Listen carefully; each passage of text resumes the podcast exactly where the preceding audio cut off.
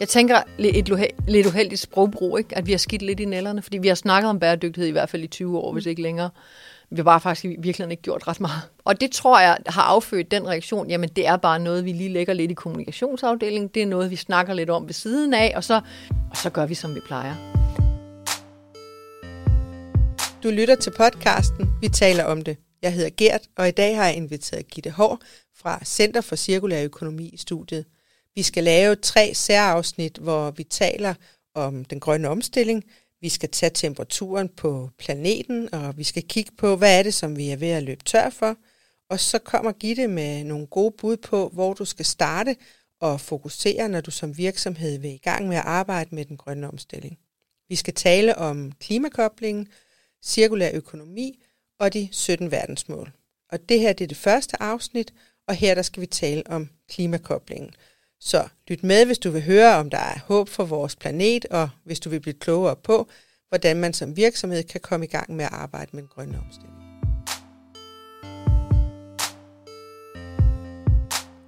Velkommen i studiet, Gitte. Vil du starte med at præsentere dig selv? Så jeg har jo øh, sådan uddannelsesmæssigt, er jeg jo faktisk revisor, øh, kan mærke af der uddannelse, øh, og så har jeg også øh, en kantskent, øh, som jo er ja, biolog eller agronom, øhm, og har i mange, mange år arbejdet med, med forretningsudvikling sådan ud fra en meget økonomisk synspunkt, øhm, og arbejdet både som CFO og i det hele taget for, ja, og i de store konsulenthuse. Øhm, og så de sidste, ja, siden 2014 har jeg været selvstændig, og, øhm, og arbejdet med virksomheder og grøn omstilling. Øh, jeg har drevet nogle programmer øh, for Erhvervsstyrelsen og nogle forløb, ledelsesforløb og sådan noget, men det hele handler ligesom om at få den grønne omstilling og den videnskab, der ligger bag, hvorfor vi skal have den grønne omstilling ind i virksomhederne og få det implementeret i virksomhederne, fordi de er et virkelig vigtigt tandhjul i den omstilling. Fedt, tak. Skal vi lige starte med planeten? Ja. Hvordan står det til med, kan vi sådan sige øh, noget om øh, tilstanden på vores planet? Jamen, det står skidt til jo. Altså, det er jo faktisk sådan, at geologer har, øh, har navngivet planeten efter den menneskelige tilstedeværelse. De kalder det den antropocene tidsalder, altså den menneskeskabte tidsalder, fordi vi dominerer 80% af jordens overflade. Øh, og det er jo ret meget af en art, kan man sige. Ikke? Så øh, det står rigtig skidt til. Vi har klimaforandringer, og, øh, og det er lige før, man kan sige, det behøver vi ikke snakke ret meget om, fordi det mærker vi jo alle sammen hver eneste dag. Og klimaforandringer betyder jo både mere vand og mindre vand, mere varme og mere kulde. Øh, men det vi i hvert fald allerede nu ser, er jo både oversvømmelser og tørke, øh, regnskyld og vandstandsstigninger, og, og det kommer nu, altså det må man sige. Og kommer nok også med større styrke, end mange havde forudset. Er der, er der nogle steder, hvor man mærker det mere end andre steder? Altså, at, jeg tænker sådan, øh, nogle gange så kan jeg jo godt se, at der er nogen, der sådan på de sociale medier synes, det er meget rart, at det lige er blevet øh, lidt, øh, lidt varmere. Så, ja. så er der... At, altså, måske kan vi lukke øjnene nogle steder, ja. men er der nogle steder, hvor vi ikke kan lukke øjnene? Ja, altså det, det, er helt, altså det er helt tydeligt. Og det er jo rart, at vi kan dyrke vin i Danmark. Altså, det er jo ikke så skidt, og det kan vi jo på grund af klimaforandringen. Nej, det, vi oplever klimaforandringerne størst ved ekvator og ved polerne. Altså det er der, vi vil opleve de, de mest dramatiske klimaforandringer. Og ved ekvator, og det er jo varmen i særdeleshed, ikke? ved ekvator har, oplever man allerede store tørkeproblemer. Vi oplever de især i Afrika allerede står over for en kæmpe hungersnød som følge af tørke. Øh, og så op, har vi nok også opdaget, øh, at polerne smelter hurtigere, end vi, end vi troede, fordi man egentlig har belavet mange analyser på satellitbilleder. Der har man jo ikke kunnet måle tykkelsen af isen, så det viser sig faktisk, at isen forsvinder langt hurtigere, end vi havde regnet med. Øhm, ja, men altså klimaforandring er jo ikke den eneste, det eneste problem, vi har her på, på planeten. Det er jo også, altså når man er en art, der dominerer 80% af jordens overflade, så mangler der jo noget. Og det er jo vild natur. Øh, så vi, vi står over for det, som mange kalder en, en, en masseuddøen af arterne. Mm. Så, øh, så det, det er alvor. Og så er vi løbet tør for ting. Altså vi har heller ikke ressourcer nok til at brødføde øh, 8 milliarder mennesker, i hvert fald ikke på den måde, som vi gør det i dag. Øh, og, og med det forbrug, som vi især har i den her del af verden. Ja. Hvad med CO2-udledningen? Den hører vi jo rigtig meget om, øh, at den er med til at lave de her øh, klimaforandringer. Hvad, hvad op og ned i de her øh, fortællinger? Ja, altså man kan sige, øh, på dansk der taler vi rigtig meget om CO2-udledning. På engelsk der taler man meget mere om, øh, om klimagasser, fordi der er faktisk mere end én gas øh, end CO2, der påvirker øh, Øh, drivhuseffekten, øh, og som påvirker klimaforandringerne. Øh, så, så CO2 er bestemt en en klimagas, og det er jo den, der kommer fra vores fossile afbrænding. Men, men, men det er meget mere kompliceret end som så, fordi den største klimapåvirkning kommer faktisk fra den måde, vi håndterer jordens overflade på. Altså det, at vi har skovryddet rigtig meget, og at vi har øh, øh, at vi nu har græsarealer og, og, og, og dyrker øh, landbrugsjord. Øh, og der er det lige så meget nogle andre gasser, det man kalder de nitrøse gasser, altså kvælstofbundne gasser, øh, som, som påvirker, og som også er klimagasser. Øh, og så har vi jo vores produktion fra kvæg og, og får, som udleder metangasser, øh, som også er en, en, altså en virkelig stærk drivhusgas. Så der er mange andre gasser, der påvirker klimaet end, øh, end CO2. Og så påvirker vanddamp også øh, ja. drivhuseffekten. Så det, at der kommer mere vanddamp op i atmosfæren, er også med til at holde på varmen. Mm, hvilke indgreb gør sådan den største forskel og batter noget, hvis vi sådan skal kigge på, øh, hvad, hvad kan jeg gøre som enkeltperson, og hvad kan vi gøre som virksomheder? Hvorhen øh, gør vi så størst gavn, hvis vi skal sætte ind for at gøre noget ved Jamen, hvis vi sådan kigger på, på, på klimapåvirkninger, så er der sådan fire helt store hovedområder. Ikke? Der er vores øh, fossile afbrænding, og der skal vi jo omstille til vedvarende energi. Øh, så er der vores, øh, som er den enestående største påvirkning, kommer fra vores fødevareproduktion. Og der er de eneste, der kan gøre noget, det er jo hver især os med det valg, vi tager øh, på vores tallerken. Øh, og så er der det, vi kalder øh, hele vores ressourceforbrug, eller vores, vores meget lange værdikæde, altså den måde, vi fremstiller produkter på, og den måde, vi udvinder råstoffer på. Og der skal vi i gang med det, der hedder en cirkulær økonomi, og det er især en virksomhedsdagsorden. Og så er der transport, øh, som også bliver en større og større øh, andel af, af, af klimapåvirkningen. Og på transportsiden, der kan vi jo også hver især vælge rigtig meget. Den største udfordring for transport kommer faktisk fra øh, transport af ja, mennesker og af gods på landjorden, fordi vi er jo flyttet fra meget klimaeffektive transportmidler, som skibe og tog er, over til meget klimaineffektive øh, transportmidler, som, som lastbiler og bi, personbiler er. Så, så hvis man sådan helt kort skal svare, hvilket det her jo ikke var, det var et langt svar, men det helt kort svar er, den, det vi spiser ja. betyder rigtig meget. Vores forbrug betyder rigtig meget. Altså hvor meget tøj, hvor meget, hvor meget vi køber.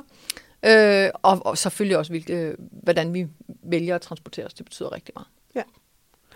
Og vi kommer jo sådan lidt ind på øh, senere, tænker jeg også, det her med, at øh, der også er nogle tiltag, som måske gør det nemmere for os som forbrugere at tage de der valg, fordi det kan jo godt være lidt en jungle på nuværende tidspunkt, som forbruger egentlig at vide, om det valg, jeg tager, når jeg handler, om det er et øh, godt valg for klimaet. Ikke? Ja, og det, det er faktisk et af de helt store problemer, vi har, fordi rigtig meget af det, vi omgiver os med, og det vi køber, er jo ikke produceret her, så vi ved jo basically ikke, hvad det er, vi køber. Øh, og jeg tror på, at rigtig mange mennesker, altså som forbrugere, men også rigtig mange virksomheder, faktisk gerne vil købe altså gøre et rigtigt valg, og de vil faktisk også gerne betale mere pris for det. Øhm, men, men udfordringen er lidt, at vi ved simpelthen ikke, hvad det bedste valg er. Det, det er blevet, det, det, vores værdikæder er simpelthen blevet så lange, så vi ved ikke, hvad vi køber. Øh, og det groteske er jo, at når du køber noget, der er fremstillet nært, altså i hvert fald i den her del af verden, så er det dyrere, end hvis du køber noget, der er industrielt fremstillet langt væk fra. Så, så det, det, altså vi mangler simpelthen nærhed og forståelse for, hvad det er, vi, vi køber og hvad vi omgiver os med. Så det, og det, og der, det skruer man på med nogle, med nogle knapper omkring, hvordan mærker vi produkterne og sådan noget. Ja. Øhm, Gitte, du har jo skrevet tre bøger om øh, nogle af alle de her udfordringer, hvordan man som virksomhed kan forholde sig og arbejde med, med bæredygtighed. Og øh, vi har valgt at dele det op, så vi laver tre afsnit på, øh, på podcasten her. Og det her afsnit, der tager vi udgangspunkt i en af bøgerne, hvor du taler om det her med klimakobling. Kan du ikke sætte lidt ord på, hvad, hvad betyder klimakobling, og hvad er, hvad er det for en størrelse? Jamen, altså hele ideen med at kalde det klimakobling kom egentlig ud fra, at, at vi jo taler rigtig meget øh, om klimaudfordringer og klimaomstilling øh, i forhold til omstilling til vedvarende energi. Altså vi tror, vi løser øh, udfordringerne med, med imødegåelse af klimaforandringerne ved at omstille til vedvarende energi. Og det synes jeg, vi taler for meget om. Jeg synes, vi har for lidt øh, viden om, hvad det egentlig er, der påvirker klimaet. Fordi omstillingen til vedvarende energi og den fossile afbrænding er jo cirka kun en, en, en fjerdedel af det, der påvirker klimaet. Øhm, så derfor opstod der den der idé med, at vi skal have lavet den der kobling, så vi både forstår, hvad er det, der egentlig skaber de her klimaforandringer i en bredere kontekst, men så er der også et eller andet med, at vi har jo mange, mange andre udfordringer end bare klimaforandringerne. Vi har jo også, at vi skal jo til at have lavet nogle regenerative systemer, så vi kan få genskabt noget af al den her vilde natur, vi mangler. Øh, vi har store problemer med kemikalier, som påvirker menneskene og sådan noget. Så vi er nødt til ikke en til en at løse nogle klimaudfordringer. Vi er nødt til at lave koblingen mellem klima som et lokomotiv for en grøn omstilling, men at vi får koblet det til en ægte bæredygtig omstilling. Og det kan vi faktisk godt Altså vi kan tale om de elementer, der påvirker klimaet, og så kan vi tale om de elementer, der også påvirker noget andet end klimaet. Vi har ligesom sat kikkerten for et øje, der kun fokuserer på klima, og især den fossile del øh, af klimaet. Men, men vi kan sagtens bruge klimadebatten, klimaomstillingen, til en kobling til at få en ægte bæredygtig omstilling, så vi, om, altså, så vi får et, et, et, en ægte bæredygtig planet at leve på, mm. og et sundt miljø. Ja. Ord som uh, scope 1, 2 og, og 3 kan du prøve at, at sætte uh, lidt uh, ord på, hvad det er for noget? Ja, altså man, i virksomhedssammenhæng, øh, der opererer man rigtig meget i det, vi kalder scope 1, 2 og 3, eller oversat til dansk område 1, 2 og 3. Og det er fordi FN for mange år siden udgav en klimaprotokol øh, til virksomheder, for ligesom at hjælpe dem på at få defineret, hvor er det, de kan gøre en forskel, og hvor er det, deres påvirkning ligger. Øh, og helt basalt så er øh, scope 1, det er virksomheden selv. Altså det er virksomhedens egne bygninger, og det er virksomheden ejer på sin, på sin matrikel. Skub 2, det er den energiforsyning, der tilflyder virksomheden i form af elektricitet og, og, og gas og fjernvarme og sådan noget. Øhm, og skub 3, det er alt det andet. Så skub 3 er er den måde, vi, øh, vi, vi, vi indkøber på i en virksomhed, og det er den måde, vi fremstiller på, og det er den måde, vi sælger og forbruger produkterne på. Så det er, og, og langt, langt de fleste virksomheder har den største påvirkning i skub 3. I dag arbejder langt, langt de fleste virksomheder i skub 1 og 2. Ja. Og det er jo også en af de ting, vi skal have i talsat med klimakoblingen. Altså, mm. vi, skal, vi skal forstå, hvor påvirkningen ligger i forhold til, hvor er det, vi arbejder med det her. Mm. Men, men det kræver vel også i virkeligheden en større gennemsigtighed, fordi hvordan skal jeg som virksomhed kunne øh, vide, øh, hvordan øh, de ressourcer, som jeg køber andre steder, er produceret, eller under hvilke forhold? Præcis, fordi virksomhederne er ved at være på vej hen imod at kunne redegøre for deres aftryk i scope 1 og 2. Men, men, men i skub 3, vi mangler simpelthen så mange data, og vi skal jo ikke kun måle på klima, vi skal jo måle på alle de andre vigtige parametre, øh, som biodiversitet, vand, cirkularitet, ressourceforbrug og sådan noget.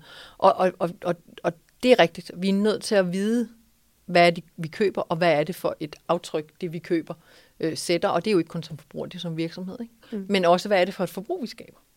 Altså den måde, vi sælger varer på, har jo også stor påvirkning på, øh, altså hvilket aftryk en vare sælger. Der er forskel på, om en vare kan leve i 6 måneder, eller den kan leve i 6 år eller i 60 år. Øh, og det er jo det, vi taler om med nogle produkter, som egentlig måske har den samme funktion.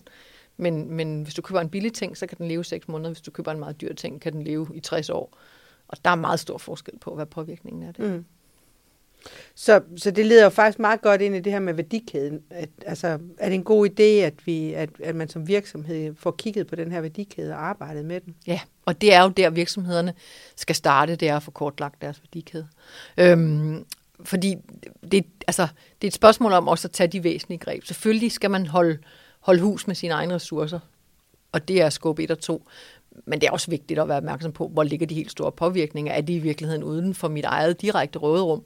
Og skal jeg arbejde på en helt anden måde med det her? Skal jeg arbejde med mine leverandører, eller skal jeg arbejde med mine kunder øh, for, for at løse en reel, altså for at gøre en reel forskel? Mm. Øhm, der, hvor min påvirkning mm. ligger, ikke? Mm. Jeg, jeg kan ikke lade være med at tænke i, i det der med, at, hvis, at, at når vi får fat i den der skub 3, at, øh, at lige så snart vi får det ind i noget lovgivning, så, øh, så bliver man jo også i højere grad tvunget til, altså så, så kan man jo også påvirke det ud over de regionale grænser, fordi det kan godt være, at jeg er et EU-land, men hvis jeg skal handle, hvis jeg skal lave det regnskab, så bliver jeg jo nødt til at være sikker på, at jeg kan få de data fra dem, som jeg, som jeg handler med, ja. som jeg får leverancer med. Ikke? Ja. Og det er nemlig rigtigt, fordi vi, altså, lovgivningen kommer til at styre rigtig meget af det her, og EU er en af de regioner, hvor man er langt med lovgivningen på det område, og vi kommer simpelthen til at se øh, lovgivning på, hvordan vi mærker vores produkter øh, på helt op til 16 forskellige bæredygtighedsparametre. Ikke? Mm. Øh, og det er i hele værdikæden. Kan du nævne nogle af de der 16? Ja, altså det, vi, har, vi har nogle kategorier inden for det, vi kalder det grønne område, for de 16 taler jo både om hele det grønne område, det sociale område, og den måde, vi også øh, driver ledelse i virksomheden på. Men hvis vi bare tager de sådan, seks parametre, overordnede parametre, der hører inden for det grønne område, som er det, der optager mange i øjeblikket, så er det selvfølgelig imødegåelse af klimaforandringerne, så det vil sige om overgangen til vedvarende energi og minimering af energiforbruget, og så er det klimatilpasning, for i erkendelse af, at, at vejret ændrer sig og vandstanden stiger, så er vi også nødt til at passe på vores værdier. Så vi er nødt til at tilpasse vores byer vores øh, bygninger og vores virksomheder. Og så er det øh, at skabe regenerative økosystemer. Det er, vi er faktisk så langt ude nu, at vi ikke bare kan tale om at lade være med at gøre skade. Vi er faktisk nødt til at bygge økosystemer, der nu regenererer sig selv, for vi er nødt til at genetablere noget, noget vild natur og noget biodiversitet. Kemikalier bliver også en virkelig stor øh, dagsorden, fordi det viser sig, at vi jo i den her lineære økonomi ikke altid har fået redgjort for, hvad vi putter i vores produkter. Mm. Øh, så vores produkter er, indeholder og har i særdeleshed indeholdt rigtig meget skadelig kemi. Øhm, og, og det er et stort problem, ikke bare i en omstilling til en cirkulær økonomi, men det er også et stort sundhedsproblem. Øh, men det er jo også næsten ugentligt, vi åbner avisen og, og, og hører om diverse kemikalieskandaler, som indhenter os fra fortiden. Jeg øh. tænker på hele PFAS-skandalen for eksempel. Er jo, Præcis. Ja. Og alle, altså alle mulige, øh, og brandhæmmer, og altså vi har så mange forskellige PCB, og vi har så mange kemikalie øh, skandaler, som indhenter os, fordi vi finder dem ude i naturen, hvor de har gjort voldsom skade, eller vi finder dem inde i kroppen, hvor mm. de mange af dem jo er karcinogen, altså skaber cancer. Øhm, og, og, og, og noget af det er kemi, vi tilsætter i dag, og noget af det er kemi, vi har tilsat for mange år siden. Så kemi kommer til at være noget af det, vi kommer til at måle rigtig, rigtig meget på. Så kommer vi til at måle på rigtig mange parametre inden for det, vi kalder cirkularitet. Fordi den eneste måde, vi kan gøre det for... Altså, vi skal ændre vores forbrug, men vi er også nødt til at, at genbruge og genanvende de ressourcer, vi har. For vi kan ikke, der er ikke flere ressourcer at høste ude i, i naturen af jomfruelige ressourcer. Så der kommer mange parametre inden for det område, der hedder, hedder cirkularitet. Så det var bare sådan nogle eksempler. Det var lige, ja. ja, men det var meget rart, tænker jeg, sådan lige at få, ja. øh, få lidt af det på. Så er der selvfølgelig en masse sociale parametre, man også skal måle på, øh, men hele den sociale dagsorden har fakt, er faktisk ældre, eller der findes en masse international lovgivning, man kan læne sig ind i i forhold til børnearbejde, øh, øh, lønniveauer og, og alt sådan noget. Øh, og det bliver også implementeret i EU-lovgivning, så det skal vi også se at måle på i hele værdikæden. Ja. Også selvom vi køber uden for EU. I din bog, der skriver du om væsentlighedsanalyse. Vil du forklare lidt om, hvad det er, og om det eventuelt er der virksomhederne, de skal starte? Ja, øh, fordi det er lidt i forlængelse af det, vi talte om før med værdikæden. Ikke? Altså det er, det som virksomhed er det virkelig vigtigt at vide, hvor har du din, altså hvor er din store påvirkning som virksomhed. Øhm, og når, når man ved det, så skal man også tage fat der, hvor det batter, men man skal også tage fat, hvis der er nogle lavt hængende frugter væsentlighedsanalysen er egentlig der, hvor man ligesom får kortlagt sin værdikæde og får gjort op, hvor er det, de store påvirkninger ligger, i forhold til, hvad er det så for en indsats, der skal til. For der er nogle indsatser, virksomheden ikke kan gøre alene. Dem er de nødt til at gøre øh, inden for branchen eller på tværs af branchen, langs hele værdikæden. Øhm, og det er selvfølgelig vigtigt at gøre den indsats, fordi typisk der den store påvirkning er. Øh, men det er jo også vigtigt, at hvis du meget nemt kan skrue ned for energiforbruget i din virksomhed, så se dig at få det gjort. Fordi det er jo ikke bare CO2-sparet, det er jo også pengesparet. Mm. Ikke? Øh, så det er simpelthen det der med, hvor er din påvirkning, og hvor er de lavt hængende frugter, og hvor er de lange seje træk. Fordi så kan man faktisk som ledelse begynde at prioritere, øh, hvad er det, altså, hvad er det, der, der er vigtigt for os at tage fat på nu? For man skal jo ikke kun tage fat på det svære, det er også en god idé at tage fat på det nemme, fordi så får man nogle resultater, man kan arbejde med. Og det er jo virkelig vigtigt i virksomhedens kommunikation. Vise, at man har overblik over, hvad det er, man har med at gøre, og man faktisk har lavet en plan. Fordi vi jo alle sammen lige startet på den her omstilling. Der er jo ingen, Nej. der er 100 meter mester i det endnu. Altså. Præcis. Og, og Ingen gang tigerdyret. og jeg tænker, altså, der er nok mange virksomheder, som, øh, som, som ligesom reagerer på det her grønne omstilling med sådan at sige, at, at, at de synes, at det lyder dyrt, og det er besværligt, og, øh, og de har sådan en overbevisning om, at, øh, at det vil gøre dyre produkter, og, og så vil mine kunder ikke... Øh, ikke øh, købe ind på det. Hvad, hvad, hvad tænker du om det? Jamen jeg tænker, der er i hvert fald nogle af de lavt hængende frugter, som det at spare på ens energi og ens ressourcer i virksomhedens altså i, inden for virksomheden selv, sortere sit affald og sådan noget. Det er jo sparet ressourcer, og det er sparet penge. Så det er jo sparegrisen. Altså, det er jo der, hvor vi rent faktisk kan sætte penge i banken som virksomhed, eller det, som jeg kalder det, der går direkte på bundlinjen. Ikke? Men øh, nu er EU-lovgivningen faktisk øh, i høj grad ved at blive rullet ud, og vi kender godt vejen hen til et indre grønt marked i 2030. Så hvis ikke virksomhederne får omstillet deres toplinjer, altså deres forretningsmodeller, så er der rigtig mange virksomheder, der ikke har en forretning i 2030. Så det kan godt være, at man tænker, at det er dyrt øh, og dyrere for mine kunder på den korte bane. Men på den mellemlange bane er der måske ikke nogen bane, hvis ikke vi kommer i gang med det her. Fordi EU har slået så hårdt til mm. med, med regulering her. Tror du, der er nogle virksomheder, som tænker, det går over, eller altså sådan, at de sådan tænker, at, at, at det kommer nok ikke til at ske, eller vi tager den, når det kommer, eller altså, hvad, hvad tænker du sådan? Jeg tænker faktisk, at øh, jeg tænker måske, øh, ja, jeg tænker et lidt uheldigt sprogbrug, ikke? at vi har skidt lidt i nælderne, fordi vi har snakket om bæredygtighed i hvert fald i 20 år, mm. hvis ikke længere. Vi har bare faktisk virkelig ikke gjort ret meget. Øhm, og derfor har vi også fået en masse anti-greenwashing lovgivning, altså lovgivning mod uærlig grøn lovprisning.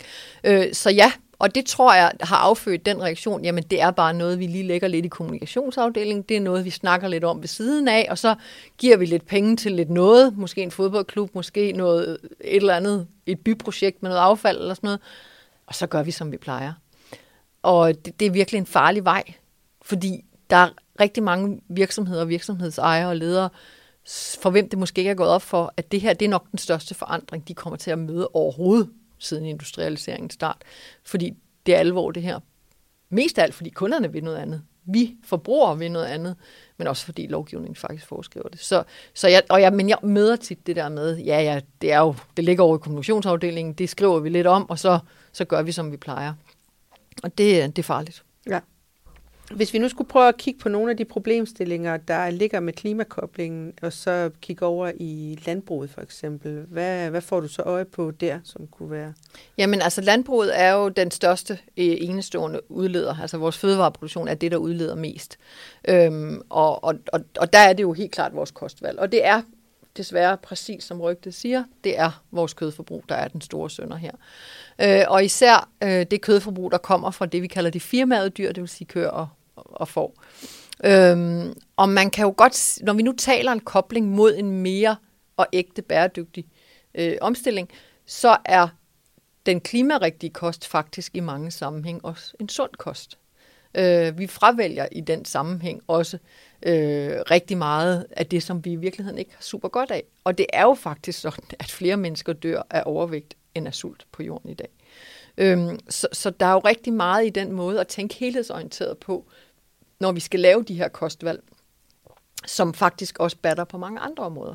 Så hvis vi gør hele den her klimasnak ind i landbruget til også at tale biodiversitet, og at, at landmanden bliver den vigtigste biodiversitetsforvalter osv., osv., men også taler sund og nærende kost, øh, så hænger det faktisk sammen. Altså det er ikke sådan, at de stikker i alle retninger. Vi kan sagtens lave en vej, hvor vi både arbejder med mere biodiversitet, mere nærhed i produktionen, øh, mere lokal fødevareproduktion, øhm, mere vild natur, mere sund kost og et bedre klima. Altså, så, så det, det, det er også det, der ligger lidt i klimakoblingen. Vi kan faktisk løse mange problemer på én gang, hvis vi tør at tænke mere helhedsorienteret. Ja, ja. Øhm, jeg kommer sådan til at tænke på det der med, med, med det der biodiversitet, at, øhm, at det er også ligesom om, at vi... Øh, altså, jeg har sådan set noget med, at, at så er der nogen, der har lavet sådan nogle insekthoteller, og så viser det sig, at øh, vi alle sammen render rundt og bygger nogle insekthoteller, som slet ikke er dybe nok til, at bierne overhovedet vil bruge dem, eller Øh, jeg bor ved siden af en park, hvor, øh, hvor man har lavet sådan nogle klatter, hvor man sådan har smidt sådan nogle øh, frøblandinger ud, og så holder man jo stadigvæk resten af parken øh, enormt pæn med, med græsslåning og, og så videre. Ikke? Altså, så det virker som sådan nogle lidt, lidt pussy halvhjertede tiltag, som, hvor jeg sådan tænker, men, men batter det overhovedet noget, at vi gør det? Altså der, lige nu er vi, når vi taler om biodiversitet og vild natur, så batter alt, hvad vi gør i den her del af verden i hvert fald. Øh, for vi er jo dem, der står aller, altså hvor det står aller dårligst til. Altså det er 1-2 procent af vores natur, der er vild her i Danmark. Så hver eneste frøpose, du taber i din have, og ikke får slået græsset, og hvad som helst, det hjælper faktisk. Ja. Øh, fordi så skidt står det til. Men selvfølgelig er det smart at gøre at lave øh, en national eller international strategi for det her. Øh, og vi er faktisk så heldige, at når, hvis vi skal blive lidt nørdet, så er der sådan noget, der hedder øh, øbiologi. Altså fordi at vilde dyr er faktisk virkelig gode til at vandre. Der er bare grænser for, hvor langt de kan vandre.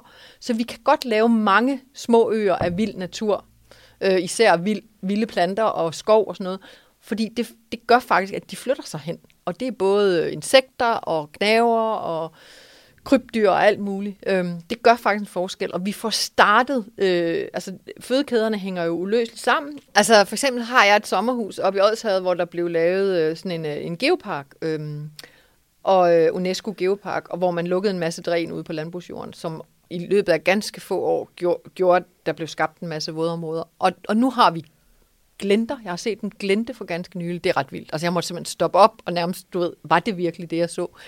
Vi har masser af rovfugle, og det er altså sket inden for otte år eller sådan noget, fra at have barmark til at have vådområder, til at have rovfugle. Og rovfugle er jo ligesom de øverste dyr i fødekæden, ikke? Øhm, så, så, så, så, så vi kan lave en masse øh, en masse vild natur, men også med plads til landbrug, med plads til byer og med plads til veje imellem, fordi de flytter sig faktisk, de her dyr. Det vi har gjort, er, at vi har fjernet så meget, at vi simpelthen har fjernet alle deres, mm. hele deres eksistensgrundlag. Ikke? Så ja, det batter faktisk at tabe en blomsterblanding, men, men selvfølgelig batter det endnu mere, hvis man laver en strategi, hvor man faktisk har nogle biologer øh, og nogle landskabsarkitekter til at, at, at regne på og, og, og, og designe det her, så vi virkelig får det fremmed øh, på den rigtige måde. Ikke? Og vi skal også have fat i nogle af de især plantearter, som, øh, som hører den danske natur til. Ja. Øh, fordi det er jo det, der fremmer de, altså de vilde dyr i Danmark. Ikke? Ja, fordi nogle gange så er der mange margaritter i, eller altså man kan i hvert fald godt, nogle gange kan det godt ligne, at det er den samme frøblanding, vi har smidt øh, i det meste af, Danmark. Ja, den der var i samvirke. Ja, ja så. Øhm, transport. Skal vi ikke lige uh, tage en tur rundt om hele det her med uh, transport af os selv? Og... Ja, og vi taler jo rigtig meget om fly, og fly fylder faktisk ikke ret meget. Altså flytrafikken fylder faktisk ikke ret meget i det globale klimaregnskab. Men det gør det jo for os, der flyver. Øhm, så jeg hører jo tit det der, at jamen, det er jo kun 2 procent, og, og, og hvorfor skal vi gøre så meget for så lidt? Men det er jo fordi, at når jeg flyver... Ja, så sig lige noget mere om de der 2 procent. Ja. Hvad er det flytransporten? Altså den... Flytransport står for 2 procent af klimaudledningen. Ja. Øh, og man tænker, når, når man tænker over, hvor meget det fylder i debatten, så burde det være mere. Ikke? Hvorfor kærer vi os om 2%? Men det er faktisk øh, fordi, at dem, der flyver, for dem fylder det virkelig, virkelig meget. Så når vi opgør vores personlige klimafodaftryk, så er det en meget, meget stor del. Ikke? Og det er jo derfor, at vi her i den her del af verden har et klimaaftryk, der er koloenormt. Det er jo, fordi vi flyver meget. Og vi skal jo huske på, at langt, langt den største del af jordens befolkning aldrig har set et fly, og ikke har en chance for nogensinde at komme ind i et fly nærmest. Ikke? Øhm, så, så det er jo i hvert fald en ting. Altså det er jo vigtigt, at vi taler om fly, men det er også vigtigt, at, at, at data er i den rigtige sammenhæng. Øhm, men så er der jo også, den, altså den store klimasønder, det er øh, vores transport på vejen. Ikke? Det er mm. vores biler og vores lastbiler. I særdeleshed vores lastbiler. Ikke? Øh, hvilket jo ikke taler ind i den samme problemstilling, som vi skal tale mere om, når vi taler cirkulær økonomi. Det er de der lange globale værdikæder. Vi fragter ting rundt. Øh, på, på, på mærkelig vis. Øh, I gamle dage fragtede vi det med gods eller med skib, og vi fragter selvfølgelig stadig rigtig meget med skib, øh, men så sejler vi det ind til nogle store havne i Europa, og så kører vi det rundt i lastbiler. Øh, så, så det handler jo ens, altså, det handler om at komme over på en eldreven øh, bilpark og lastbilpark, men det handler sandelig også om infrastruktur. Altså vi er simpelthen nødt til at tænke vores transport meget mere kollektivt. Øhm, og vi kan også få nogle virkelig skønne byer, hvis vi får en masse biler ud af de der byer. Øh, fordi vi skal også, så kan vi få plads til noget lokal fødevareproduktion. Så i stedet for at have en masse biler, der holder i kø, så kunne vi måske have en masse plantekasser, der holder i kø for at blive høstet. Øhm, fordi vi kan løse så meget med kollektiv transport. Nu var jeg i San Francisco for et år siden, et par år siden, og der kørte jeg med en, en sporvogn, en eldreven sporvogn, der var over 100 år gammel. Så der har de altså valgt ikke at aflive noget af det mest mm. klimarigtige, nemlig deres eldrevne sporvogn. Ikke? Så, der, så der er en, noget infrastruktur, der er noget lovgivning, der er nogle politikere, der skal turde træde til her og afsætte nogle penge til noget kollektiv transport, øh, som kan være til gavn for os alle sammen. Mm. Altså også til det, det gode liv, vi har inde i byerne. Ikke? Jo. Fordi vi synes jo alle sammen, det er mega stresset, at der er så mange biler inde i byerne, de forurener med rigt, ikke kun med CO2, men også med partikelforurening, mm. som skader os. De larmer, støjniveauer er en kæmpe stressfaktor. Meget af det kommer fra bilerne. Øhm, så vi kan, vi kan skabe øh, livable cities, siger man på engelsk, ikke? Øh, byer, der er rare at bo i, mm. hvis vi tænker vores transport på en anden måde, ja. tror jeg. Så får vi plads til grønne arealer, vi får plads til lokal fødevareproduktion. Vi får nærhed i den måde, vi tænker på. Altså, jeg tænker et godt eksempel er, når jeg er i, i Berlin. Altså, jeg gider ikke engang at forsøge at køre rundt i bil, fordi hele deres offentlige transport er så, øh, så velfungerende, at, Præcis. Øh, at man ikke overvejer alternativet, fordi det bedste alternativ er sådan set at, at bruge den offentlige transport. Præcis, og vi ser faktisk en del øh, ja, europæiske, men også ikke-europæiske borgmestre være meget ambitiøse. Altså også simpelthen forbyde biler på bestemte tidspunkter af døgnet på bestemte dage, og, og, og gå virkelig hårdt over mod den kollektive trafik. Øhm, vi er ikke helt så fremsynede i Danmark. Øh, Sverige og Tyskland og Frankrig har afsat rigtig, rigtig mange penge til at udbygge togtransporten. Da jeg var barn, der tog man altså nattog, når man skulle til Sydtyskland. Øh, det tror jeg kommer igen. Jeg tror, vi igen kommer til at bruge togtransporten. Og, og, og togtransporten er jo meget, meget hurtigere, end den var for, da jeg var barn for 40 år siden. Så, øhm, så, så, så, men det kræver bare, at vi tør tænke på tværs af landegrænser, på tværs af pengekasser, øh, og tør tage nogle store investeringer. Øh. Så hvis vi sådan lige skal summere op, sådan, øh, hvad klimakoblingen betyder, så betyder det, at vi tager fat i, kan man sige, øh, en del af den klimaudfordring, som vi har fået øje på, eller som vi har øje på, og bruger den egentlig som løftestang til at få øh, fundet nogle løsninger Præcis. på nogle af de andre. Præcis. Altså, vi kan bruge, og du bruger du løftestang, det er et godt ord, jeg bruger lokomotiv. Vi kan bruge omstilling til mod, altså til imødegåelse af klimaforandringen, til at skabe en helhedsorienteret, bæredygtig omstilling. Også målt på andre parametre, som vores sundhed, som vores måde at leve på, som vores vilde natur. Ja, det er Fedt. derfor, den hedder klimakobling. Lad os koble vores klimaindsats til fornuftige løsninger. Fedt. Tak. Så hvis du lige kort skal opsummere, hvad får man ud af at læse bogen om klimakoblingen? Jamen faktisk alle mine tre tekstbøger, de er bygget op sådan, at først så får man sådan noget videnskab kommunikeret på en, i øjenhøjde. Ikke? Så først så får man sådan lidt, hvad er sandt og falsk her, hvad, hvor, hvorfor, taler vi, hvorfor taler vi det hele taget om klima, øh, hvor, hvor kommer øh, udledningerne fra. Øhm, og så er der en masse nogle historiske betragtninger ind i det, øh, i forhold til, hvad er det for en situation, vi står i. Og til sidst så får man sådan lidt nogle, nogle, nogle bud på, hvad er klimakoblingen? Altså, hvad er koblingen til et... Øh, altså til den rigtige bæredygtige omstilling, og virksomhederne får nogle værktøjer, som de rent faktisk kan bruge, både til at måle og veje, men også til at lave forandringer med. Fedt. Tak.